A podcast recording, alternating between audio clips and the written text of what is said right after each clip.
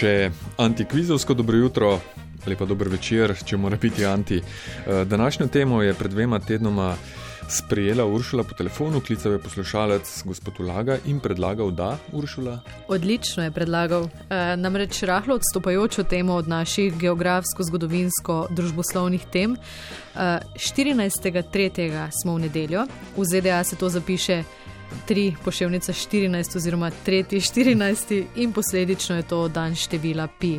Verjetno kar najbolj znane matematične konstante, nekateri jo obhajajo tudi 22.7., ker je 22 deljeno 7 zelo dober približek piju. Dobro, predem začnemo, samo še dve formuli, ki se jih. Naučimo v šestem razredu, se mi zdi, osnovne šole in jih nikoli ne pozabimo. Mm. Obseg kroga je 2πr, ploščina pa πr kvadrat. Dobro, te odgovore so našli bolj modri možje in žene od nas, zdaj pa iščemo nekaj drugega. Pet trditev o konstanti pi, štiri držijo, ena ne, iščemo napačno. Nič 1, 4, 7, 5, 2, 202, tole pa so trditve o piju. Številka ena.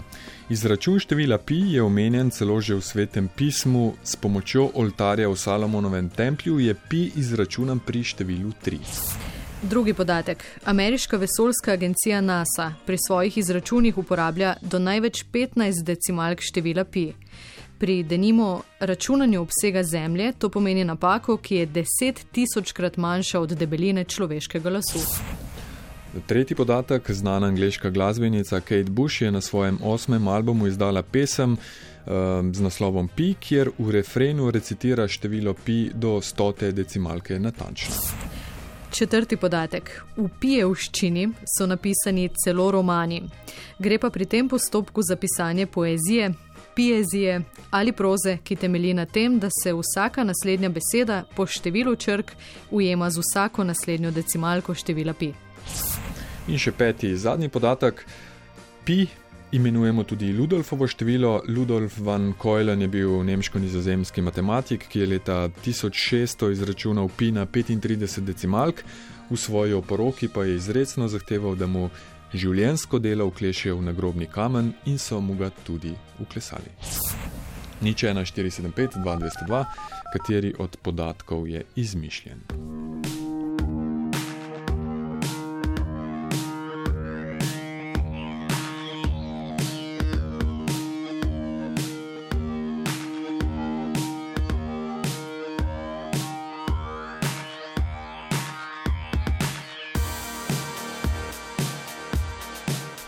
Torej, še enkrat na hitro, če spi 3,1,4,1,5,2,6,5,3,5,9. Naprej? ne vem, ampak to pa je bilo iz glave. Uh, dobro. Uh, pi omenjen v svetem pismu in izračunan NASA do največ 15 decimalk, ker drugače nima smisla, ker je tako majhna razlika. Potem Kate Bush uh, svojo skladbo Pi kjer recitira pi do stote decimalke oziroma odpoje. Uh, Pijevščina, v kateri so napisani celi romani, celo in Ludolfovo število po Ludolfu van uh, Koelnu, ki si je pi potem dal v uh, klesati v nagrobni kamen. Celo. Hm. Zlatko. Dobro jutro. Dobro jutro. Jaz pesem Kate Bush poznam, izredno cenim kot pevko, za Ludolfovo število znam tretje tehnik sem, tako da 15 decimalk verjamem, e, sveto pismo bežno poznam, tako da na principu zločanja bi se odločil za številko 4.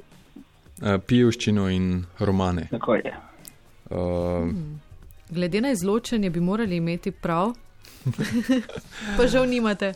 Uršula vas no, je izločila. Dobro, več sreče prihodnič. Točno tako, prihodni petek. Hvala, Zlatko, hvala, hvala. Ampak zelo modro razlaga. Zelo dobra razlaga, ja.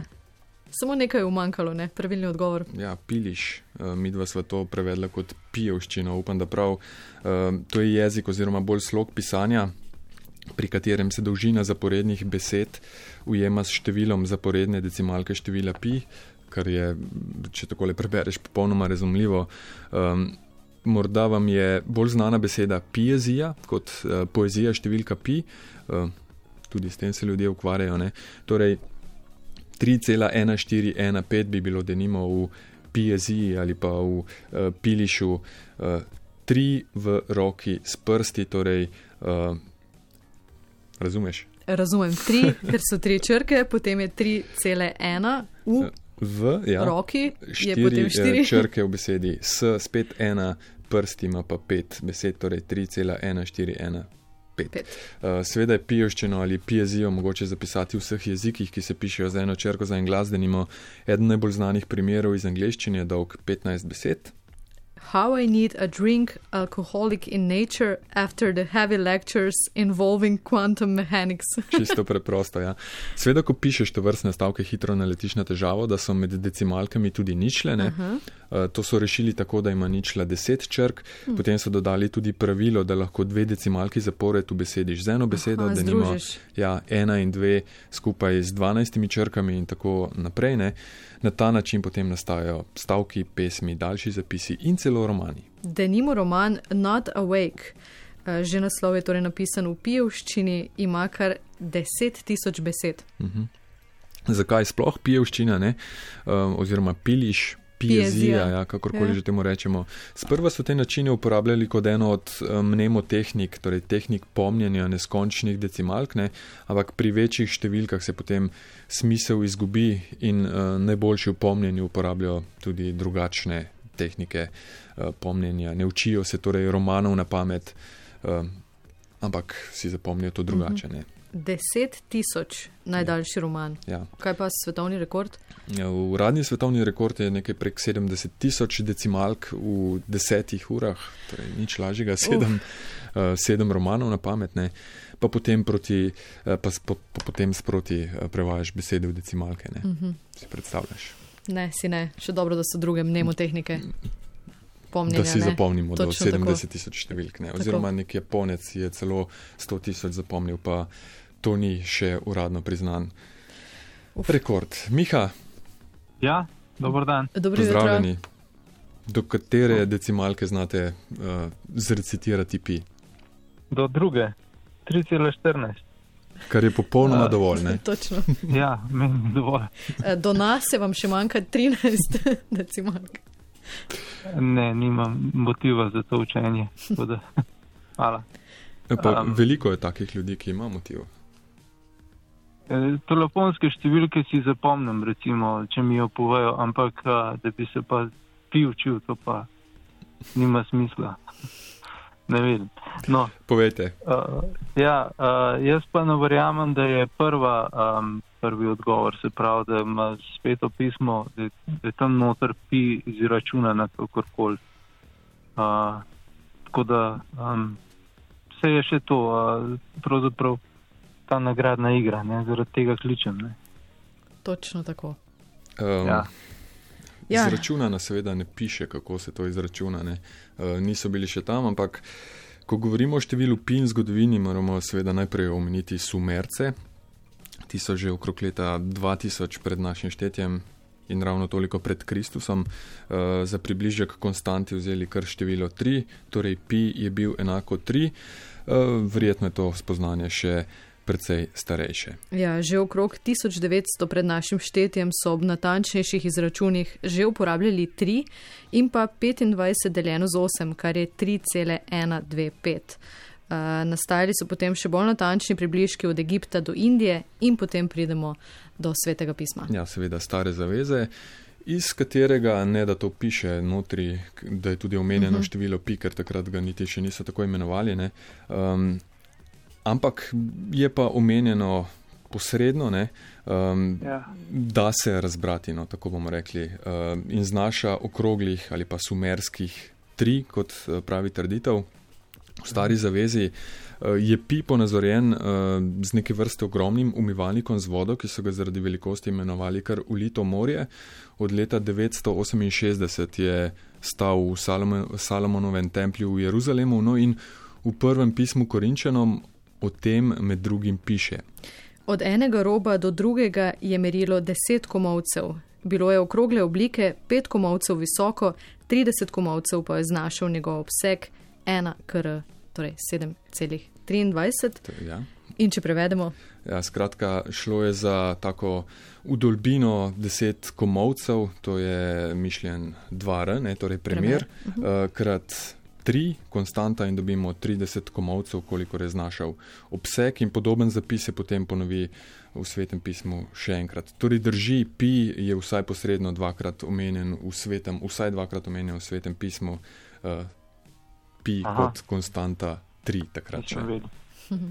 Tudi jaz ne. Zdaj vemo, ja, tudi jaz ne. Lepo. Ja. Miha, hvala lepa za klic. Hvala vam. Lep konec tedna. Miroslava pa naslednja. Pitagora, Pitagora, 3,14.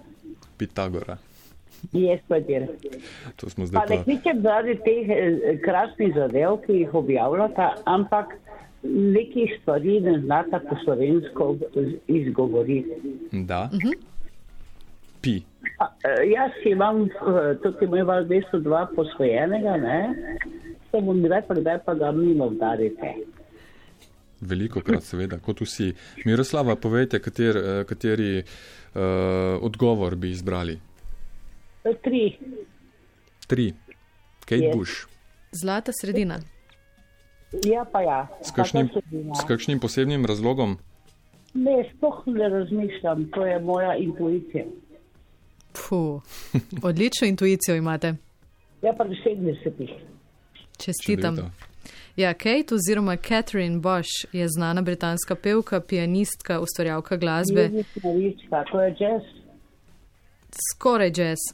Eh, Njene najbolj pesmi so denimo Wuthering Heights, eh, Babuška, Running Up That Hill. Pardon, Maja, si kapričo, povejte mi po slovensko, kaj želite od mene. Eh, Nič, samo še Ničesar, samo še pustite- čestitke, congratulations. In pustite, I'm celebration.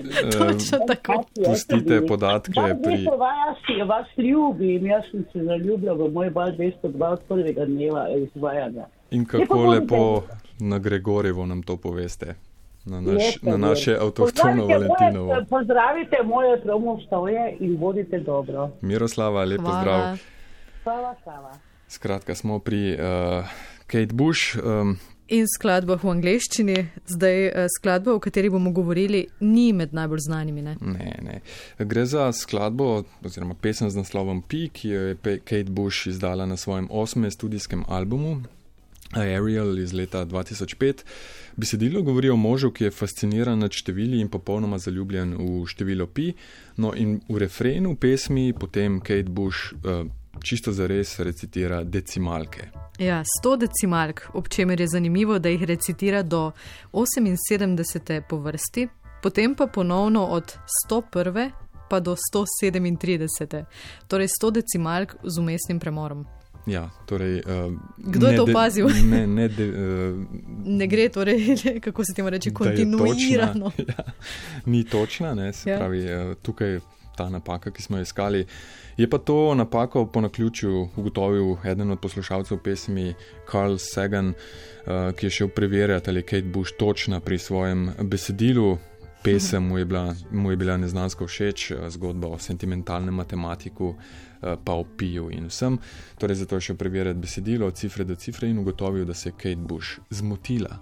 Iz njega so se potem leta 2006 uh, norčevali po raznih britanskih medijih, tudi resnih, uh, ampak dejstvo je, da pi v pesmi Kate Bush ni točen. Ja, ali gre za umetniško svobodo ali kaj drugega, torej napako, lapsus, eh, kako globje sporočilo, pevka ni nikoli razložila, um, je pa zapela pesem Pi, um, ne pravi Pi, očitno.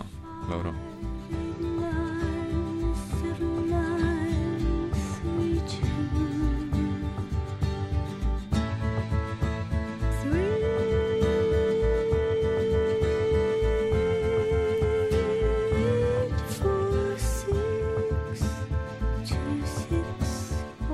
Ja, tako. Piezija, uglasbena piezija. Ja, tako nekako. Uh, po mojem, ko je se ni učila tega na pamet, ampak ko je brala besedilo, je eno vrstico preskočila, kar- ker si je to pisala tako po sklopih. ne. Hm. Eh, zna Beri med je to vrsticami, tudi skladbo. Ja, in izpuščaj vrstice. Ja. Uh, NASA NASA. in izračuni. Ja, drži, ameriška NASA uporablja do 15 decimalk števila pi, včasih še manj. Kaj pa katera druga agencija? Nisem preverjal, ampak uh, predvidoma, po mojem, enako ali pa uh -huh. kvečemu še manj, ne, manj podrobno. Torej, vprašanje, ki ga NASA veliko krat dobi, je, koliko decimalk števila pi dejansko sploh potrebujemo. Ne. V tem primeru je na njo odgovarjal eden od inženirjev in vodi vesoljskih odprav. Mark uh, Raymond, ki je rekel, da je točno to vprašanje kot osnovnošolec tudi sam poslal hm. na NASA in razložil je, da za res najbolj točne izračune uporabljajo samo do 15 decimalk. Pa še to redko, ker nima smisla. Na primerih. Najbolj oddaljeno plovilo od Zemlje je bilo takrat Voyager 1, eh, približno 20 milijard km od Zemlje. Eh, če bi hoteli izračunati obseg kroga, s premerom 40 milijard km in pijem na 15 decimalk natančno, bi napaka znašala približno 5 cm. Ja, 5 cm. 5 cm. Torej, pri krožnici obsega več kot 120 milijard km, bi bila napaka nekaj centimetrov. Pa še en primer, um, zemeljski, ki ga je v odgovoru navedel inženir Nase. Recimo, da je Zemlja okrogla vsaj na ekvatorju, torej brez gora in ostalih fizičnih odstopanj. Uh, slabih uh, eh, 12,8 km, zdaj govorimo o primeru. Uh -huh. um, srednji obseg na ekvatorju uh, je dobrih 40 tisoč km. Kakšna bi bila razlika v izračunu med konstanto pi, če bi dodali še 16 decimalko? Razlika v obsegu Zemlje bi bila manjša kot ena deset tisočina lasov, skratka deset tisočkrat okrog Zemlje, da bi bila napaka. napaka um, en las en las. En človeški las. Skratka. Hm. Dovolj je, da se lahko malo tiste, ki se učijo do 100 tisoč. Eh, res so izjemni. Ja, to pa res. Tako. Še ena nam je ostala. Ja, uh, Ludolfovo število. Zadnji odgovor o Ludolfu van Kojlnu nemško-nizozemskem matematiku, po katerem se je oziroma se še uh, tudi imenuje število oziroma konstanta pi. Ja, tam na prehodu iz 16. v 17. stoletje uh, so se mnogi matematiki ukvarjali s pijem in poskušali ugotoviti čim bolj uh, točno vrednost konstante. Denimo Kepler in Galilei sta trdila, da je krok samo mnogokotnik z neskončnim številom stranic. No, Van Kojlen je potem leta 1556, se pravi je bil Trubarjev sodobnik, po tem principu določil pi na 20 decimalk natančno in objavil o tem delo o krogu, Van den Cirkel. Uh, potem je naslednjih več kot 40 let dela posvetil zgolj piju in ga leta 1600 določil na 35 decimalk natančno. Uh, računal je pi s pomočjo večkotnika s številom stranic, če si kdo predstavlja 2 na 62 potenco. Fuh lahko poskusi kdo doma, ne. ampak ne. Uh, ker je šlo več kot očitno za njegovo življenjsko delo, je potem v svoji oporoki zahteval, da mu pi do 35 decimalke vklešejo kar v njegov nagrobni kamen. Kar so mu tudi izpolnili, eh, ko je leta 1961 umrl na ja, nizozemskem. 1661, ja. Uh mhm, -huh, seveda, ja, 1661. In uh, kolegom matematikom se je seveda zdel uh, njegov dosežek takrat tako pomemben, da so število oziroma konstanto poimenovali kar po njem Ludolfovo število. In ta, to poimenovanje velja še danes, ampak največkrat mu pravimo kar pi, včasih tudi Arhimedova ali krožna konstanta, oznako pi z grško črko pa je prvič uporabil leta 1647 angliški matematik William Otrow. Grško črko pi, 16. črko grške abecede pa si je izbral zato, ker se z njo začenjata grški besedi periferija in perimeter, torej obrobje in obseg.